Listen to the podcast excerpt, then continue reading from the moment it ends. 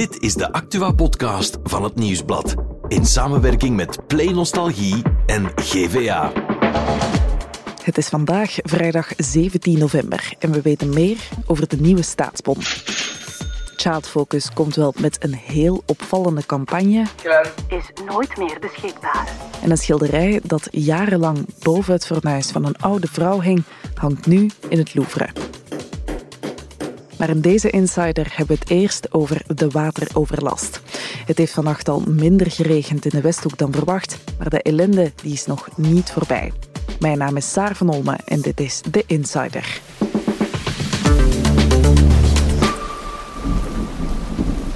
De wateroverlast dus. We hebben het er vandaag over met Thibaut Ranson, reporter bij het Nieuwsblad. Dag Thibaut. Dag Saar. Ja, Thibaut, jij bent daar geweest hè? Ik ben er inderdaad geweest in de Westhoek, uh, meer bepaald aan de Winterdijk. Daar waar eigenlijk de mensen gevraagd worden om te evacueren, om te vertrekken. Oké, en hoe ging het met die mensen? Wel, ik ben bijvoorbeeld letterlijk toegekomen um, op de oprit bij uh, Annie en uh, Willy, een, een koppel 70-80ers, die net terugkwamen van hun boodschappen te doen. Die vertrokken van thuis, toen was er nog niks aan de hand. Hun oprit was nog droog. En die kwamen terug van hun boodschappen en de oprit stond onder water. En op dat moment stond ook de politie daar om te vragen aan, aan Annie en Willy, met aandrang te vragen om eigenlijk te vertrekken, te evacueren. En Annie was op dat moment bezig met haar schoenen aan het uitdoen, want de oprit was volledig ondergelopen. Dus ze wou haar schoenen niet nat maken, schoenen aan het uitdoen om haar hekken te kunnen openen, om de oprit te kunnen uh, binnenrijden. De politie heeft toen geholpen, die wel laarzen aan hadden, die heeft wel geholpen toen om het hekken open te doen. Maar toen het hekken open stond, hebben ze aan Annie en Willy gevraagd, ik denk dat het beste is dat u rechtsomkeer maakt en, en vertrekt. Ja, en hoe komt dat binnen bij die mensen? Annie zei, ik weet niet waar naartoe. Ik zit met een hulpbehoevende man, 82 jaar. Mijn dochter woont ook nog in bij ons thuis. Die is nog niet thuis, die is nog gaan werken u vraagt mij om te vertrekken, maar ja, wat kan ik doen? Waar, kan ik naartoe? Dus Annie had veel schrik, zei ze. Ze was er zeker niet gerust in. Ja, we zagen daar ook ziender ogen die oprit stelselmatig, in de minuten dat we daar stonden, stelselmatig hoger worden. Was bijna geen enkel plekje meer uh, dat niet onder water liep. Annie zei, tuurlijk ben ik er niet opgerust, maar ik kan niet weg, ik weet niet waar naartoe, ik kan toch niet zomaar vertrekken. Ja, want die evacuatie is trouwens niet verplicht. Hè? Die mensen moeten niet vertrekken als ze dat niet willen. Hè? Nee, dat wordt dus inderdaad met aandrang gevraagd door brandweer en politie, maar het blijft een vrijwillige preventieve evacuatie. Je ziet dat echt wel het water al ja, aan de oprit staan, maar het blijft, dat zei ook de lokale burgemeester van Dixmuiden, Lies Lariadon, zolang de mensen niet zelf met hun voeten in het water staan binnen het huis, blijft het moeilijk om die te overtuigen. Ja. Aan de andere kant, de buren van Annie, die waren op het moment dat Annie zei van ja, ik weet niet waar naartoe ik blijf, waren wel aan het vertrekken. Die zaten letterlijk in de auto, hadden hun valiezen gepakt om uh, bij hun uh, dochter en schoonzoon uh, in te gaan trekken. Voor hoe lang, dat weten we niet. En zij probeerden een positieve draai aan te geven, zeiden van we zien het als een watervakantie. Ja, nu, er zijn ook landbouwers in die regio. Ja. Mensen met een eigen zaak, mensen die niet alleen hun huis, maar ook hun broodwinning moeten achterlaten. Ik kan me voorstellen dat dat ook voor die mensen enorm moeilijk is om daar te vertrekken.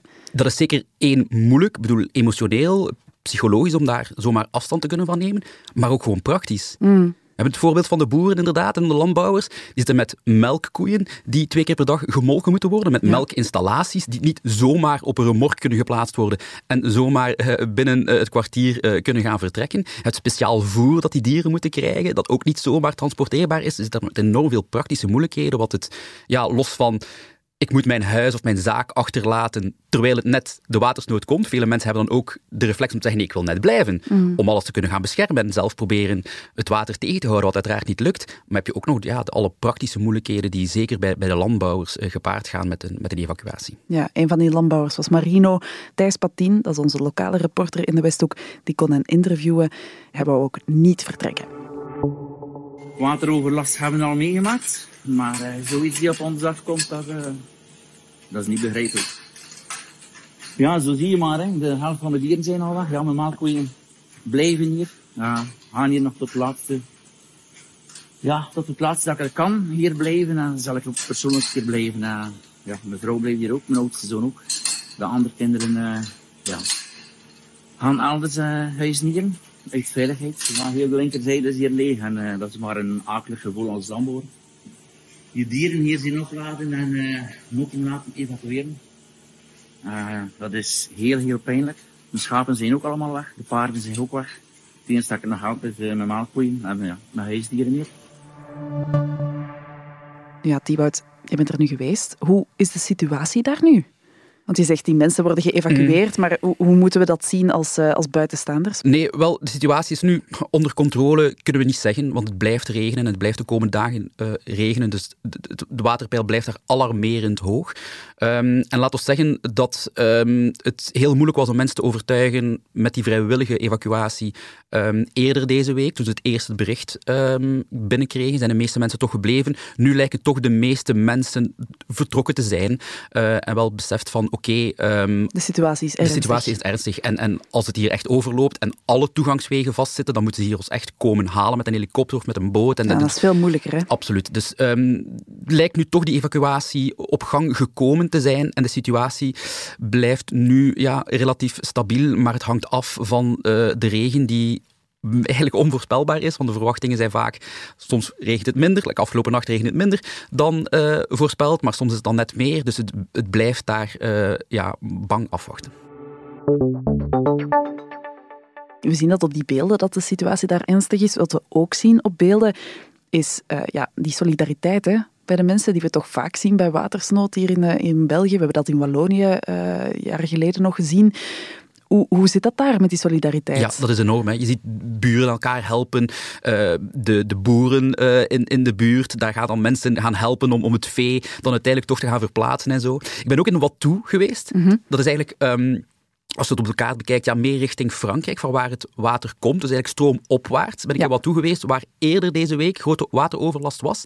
En dan Ja, daar was het centrum helemaal uh, ondergelopen. Center hè? helemaal ondergelopen, school uh, helemaal ondergelopen, school ook gesloten de dag erna uh, door de wateroverlast. En op dat moment dat ik er was, was het water aan het wegtrekken. Op dat moment ging het dus ja, via de IJzer stroomafwaarts richting Noordzee, dus richting Diksmuiden. Maar als het water aan het wegtrekken was in Wattou, um, zag je dat het dorp gewoon samenkwam. En iedereen de handen uit elkaar stak. Uh, en er was bijvoorbeeld een brasserie, de Smouthoek, uh, die heel erg getroffen was. Uh, een zaak die nog maar een jaar um, overgenomen was, volledig gerenoveerd. Ja, bedoel, daar is de schade um, heel erg groot. En dan zag je de gaan en de komende man van klanten, van vrienden, van familie, de handen uit de mouwen staken.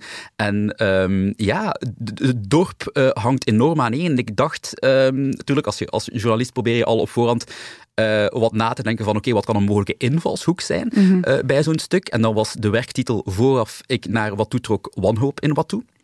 Is een, een dorp dat, dat um, ja, um, niet voor de eerste keer getroffen wordt door de wateroverlast, maar dat was helemaal geen sprake van wanhoop. Eerder Integendeel, hoop. Absoluut, eerder hoop en optimisme. En tuurlijk is het niet makkelijk. Het is voor de zoveelste keer en toch niet weer. Maar we hebben elkaar, letterlijk zijn mensen, we hebben elkaar en dat geeft courage, dat geeft uh, goede moed om, om uh, ja, de handen uh, uit de mouw te kunnen steken. En we staan er niet alleen voor. Op de school kwamen grootouders uh, van 70, 80 jaar die kleinkinderen hebben op school. Die kwamen de handen uit de mouwen steken omdat ze zeggen, ja, wat moeten we anders thuis komen doen? En de mannen um, die, die gingen pompen, uh, water pompen en zandzakken leggen voor de ingangen van de school. Mhm. Um, de moeders of de grootmoeders kwamen af met koffie en koekjes. En, en zo, ja, iedereen Ja. probeert zijn, zijn of haar steentje bij te dragen. Ja, is dat dan het algemene gevoel dat je daarbij kreeg? Of is er ook ja, een beetje teleurstelling en, en boosheid bij die mensen? Laten we zeggen, bij de burgers um, is, er, is er veel uh, optimisme en, en, en hoop en courage. Veel meer dan ik zou kunnen verwachten. Mm -hmm. Natuurlijk aan de bestuurderszijde van, Ja. van burgemeesters daar, daar zie je toch wel veel um, ja, woede, zou ik zelf durven zeggen. Ja, en in welke zin is dat dan? Wel, um, zij zien het als een. Um, ze zien dat zij stiefmoederlijk uh, behandeld worden door de Vlaamse overheid, te weinig middelen krijgen. En dan pas als er een ramp zich voordoet. Vijgen na Pasen, dan wordt er gesproken over een nieuw plan, over middelen. Um, maar ze zeggen van ja, we mogen toch niet wachten tot het te laat is. Dus, dus ja, zij um, zijn heel kritisch over het gebrek aan middelen die zij krijgen om dat water te beheren in, Mhm. uh, in en rond uh, de IJzer. Ja, ze moeten nu ja, een beetje op zoek gaan naar uh, korte termijn oplossingen. Hoe gaan ze daarmee om? Hoe pakken ze die situatie aan? Ja, bijvoorbeeld de burgemeester van Houthulst, Jeroen van Drommen, ging dan specifiek over de Winterdijk. Ja. Waar veel rond te doen geweest is, daar ook Ja. waar ik was voor de evacuatie. Zeg maar, kijk, eigenlijk is die vijf meter hoog. Het water staat daar nu opnieuw ongeveer rond vijf meter. Op een bepaald moment was het vijf meter tien, dus was het echt aan het overlopen. En dan zag je hè, die opritten waar ik over sprak, die aan het overlopen waren. Die zegt van, kijk, die dijk is niet hoog genoeg. En het is onbegrijpelijk dat die niet hoger gebouwd is. Die is er net gebouwd, al na de overstroming in de jaren 90, om dit soort situaties te vermijden. En blijkbaar is vijf meter niet hoog genoeg. We moeten hoger kunnen gaan, want, want het, het water stopt hier niet. Dus we moeten die dijken gaan verhogen. Aan de andere kant zie je waterprofessoren, hydrologen, die eigenlijk het omgekeerde zeggen. En zeggen van, die dijken moeten weg. En dat is heel raar, komt, een beetje hè, contra-intuïtief om te zeggen van die dijken die net de mensen beschermen en moeten beschermen eh, en nu min of meer stand houden, zeggen zij eigenlijk, we zouden beter die dijken afbreken om eh, de ruimte te geven aan de ijzer, de ruimte te geven aan het water, om ja, bepaalde gebieden doelbewust te laten overstromen. Ja, ja, ja. Want zij stellen eigenlijk, overstromingen zijn onvermijdelijk en zullen er de komende periode met de klimaatopwarming alleen maar meer zijn. Ja, maar dat is een moeilijke situatie natuurlijk, want als je die ijzer de ruimte gaat geven, dan gaan er mensen hun huizen verliezen. Ja, absoluut. En dus dat is zeker als die ooit komt, is dat een lange termijn oplossing. Want dan moeten er mensen, de mensen waar ik op bezoek ging, de boeren eh, die we gehoord hebben, en, en Annie en Willy eh, en de, de buren, zouden die onteigend moeten worden en zouden die daar weg moeten kunnen gaan om ja, een soort natuurlijk gebied te hebben.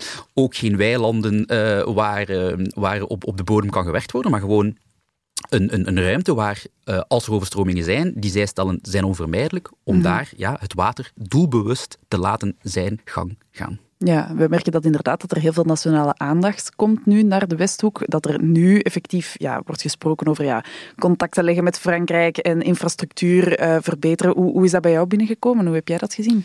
Ja, je zit daar met een soort van ehm, verschillende overheden en, en, en organisaties en de waterweg en inderdaad Frankrijk, zoals je het meldt. Eigenlijk Ja. komt het water vanuit Frankrijk en stroomt het dan via de Noordzee opnieuw eh, die richting uit. Maar zie je inderdaad, ja, Europa, Frankrijk, ehm, Vlaanderen versus West-Vlaanderen. Dan heb je de gouverneur eh, van West-Vlaanderen ehm, die op de proppen komt, maar dan heb je de lokale eh, burgemeester en lokale overheden. En je ziet dat dat een enorme, ja, ehm, een Weer een kluwen is, hè? kluwen is en een verrommeling is en, en het heel moeilijk is van ja, wat moet er nu precies concreet gaan gebeuren? Want het is crisis Eh, en dan zie je op heel veel overleg, ehm, op heel veel niveaus overleg om dat te kunnen gaan indijken, maar zie je ook dat heel grotere debat van hoe moeten we omgaan met het waterbeheer in Vlaanderen, in België en de relatie met Frankrijk. Hoe moeten we dat op lange termijn gaan, eh, gaan organiseren? En moeten we nu net die eh, dijken gaan verhogen of moeten ze net afbreken? en, en dat zie je dat ook wel dat dat grotere debat rond dat waterbeheer in Vlaanderen nu echt wel door die crisis ehm, ja, op gang is gekomen. Ja, hoe zie jij het lopen, Thibaut?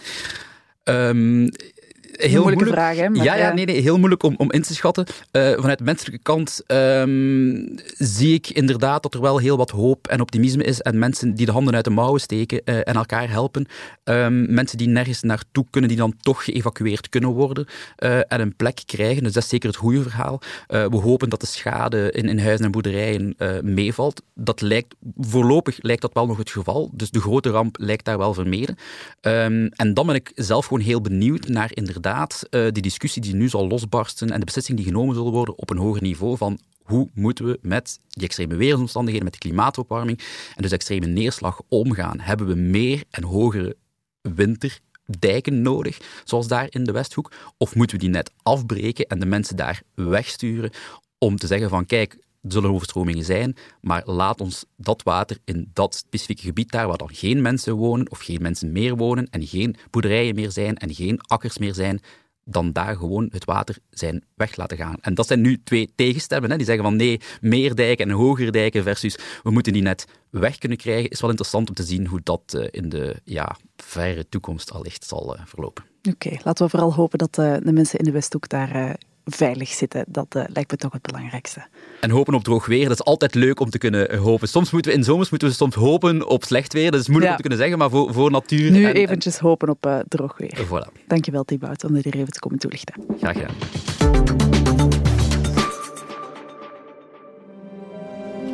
In de archieven van Assisen liggen dikke dossiers van oude moordverhalen. Over de Bonnie en Clyde van Antwerpen. Over een passionele eermoord onder diplomaten. Over de aanslag op de koning der Belgen. Ik ben Cedric Lagast, host van de Stemmen van Assise. En al drie zomers lang duik ik in al die vergeten oude Assisezaken. We hebben nu al die verhalen gebundeld in één handig podcastkanaal, waar je direct alle afleveringen terugvindt. In de archieven van Assise, vanaf nu in jouw favoriete podcast-app.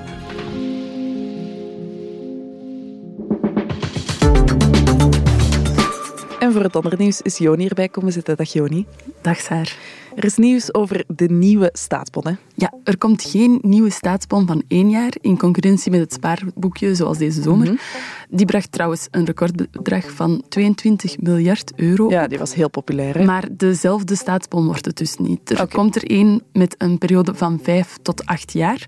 We weten nog niet hoe hoog het tarief van deze staatsbon zal zijn, maar wel dat er een roerende voorheffing van 30% van kracht zal zijn. Ah ja, oké. En onze collega Celine Brendonk van Play Nostalgie die heeft deze ochtend gebeld met minister van Financiën Vincent van Petegem en hij legde uit waarom er deze keer dus niet gekozen is voor een staatsbon van één jaar.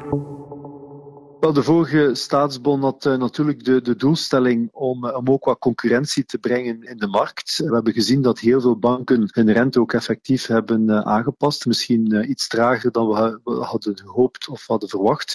Maar we moeten natuurlijk altijd kijken naar het bredere verhaal, waarbij ook eh, beheer van onze staatsschuld en samen met experten van het agentschap van de schuld hebben om die reden gekozen voor een staatsbon op vijf en acht jaar. Dat was dus minister van Financiën Vincent van Petegem. Dan gaan we over naar het volgende nieuws, want eh, Child Focus die komt al met een heel opvallende campagne. De organisatie reactiveert het gsm-nummer van de 15-jarige Glen. Vertel. Ja, Glenn stapte zes jaar geleden uit het leven nadat een naaktfoto van hem online verspreid werd. En als je hem dus belt, krijg je de volgende boodschap te horen. Glen is nooit meer beschikbaar. Want Glen stapte uit het leven nadat zijn naaktfoto online werd verspreid. Hij was toen 15. Spreek uw voor- en achternaam in na de biep. En teken zo'n petitie tegen grensoverschrijdende sexting en exposing.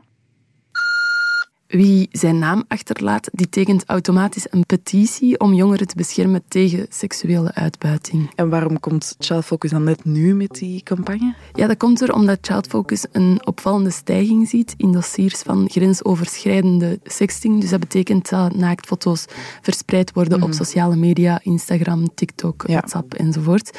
En Child Focus hoopt op deze manier de zware gevolgen voor slachtoffers van grensoverschrijdende sexting te kunnen benadrukken. Ja, en als je vragen hebt over zelfdoding, dan kan je terecht op het gratis telefoonnummer 1813 of via de website zelfmoord1813.be. Nu, normaal gezien gaan we aan het einde van de podcast naar een bepaalde regio in Vlaanderen, maar nu trekken we even de grens over naar Frankrijk, naar het Louvre, want daar hangt wel een heel speciaal schilderijtje. Er hangen heel veel speciaal Ja. schilderijen, maar nu toch wel een heel speciaal schilderijtje. Ja, de bespotte Christus van de Florentijnse schilder Cimabue, als ik het juist uitspreek. Oké. Ehm, ik moet nu eerlijk toegeven, ik ben nu sowieso niet zo'n kunstkenner, maar ik heb daar nog nooit van gehoord, Joni. Ja, je zou denken op zich niet zo speciaal, maar eigenlijk zijn die werken wel echt heel uitzonderlijk. En er is nog iets opvallends aan dit verhaal. Ja? Het hing een hele lange tijd boven het fornuis van een hoogbejaarde vrouw uit Compiègne. Ze dacht eigenlijk dat het ja, een werkje was zonder echt grote waarde, maar toen is een veilingmeester langsgekomen om na te gaan of er nog iets van waarde in haar huis hing. Ja, blijkbaar wel dus. Ja, het schilderij dateert uit 1280 en bracht maar liefst 24 miljoen euro op. 24 miljoen. Ja, echt gigantisch veel geld. De Franse regering heeft die deal geblokkeerd en gaf het schilderij de status van nationale schat. En het hangt daarom nu dus in het Louvre. Oké, ik ga toch eens een kijkje nemen, denk ik, als ik nog eens in Parijs ben. Dankjewel, Joni, om dat even te komen vertellen hier bij ons. Maandag zijn we er opnieuw met een nieuwe Insider.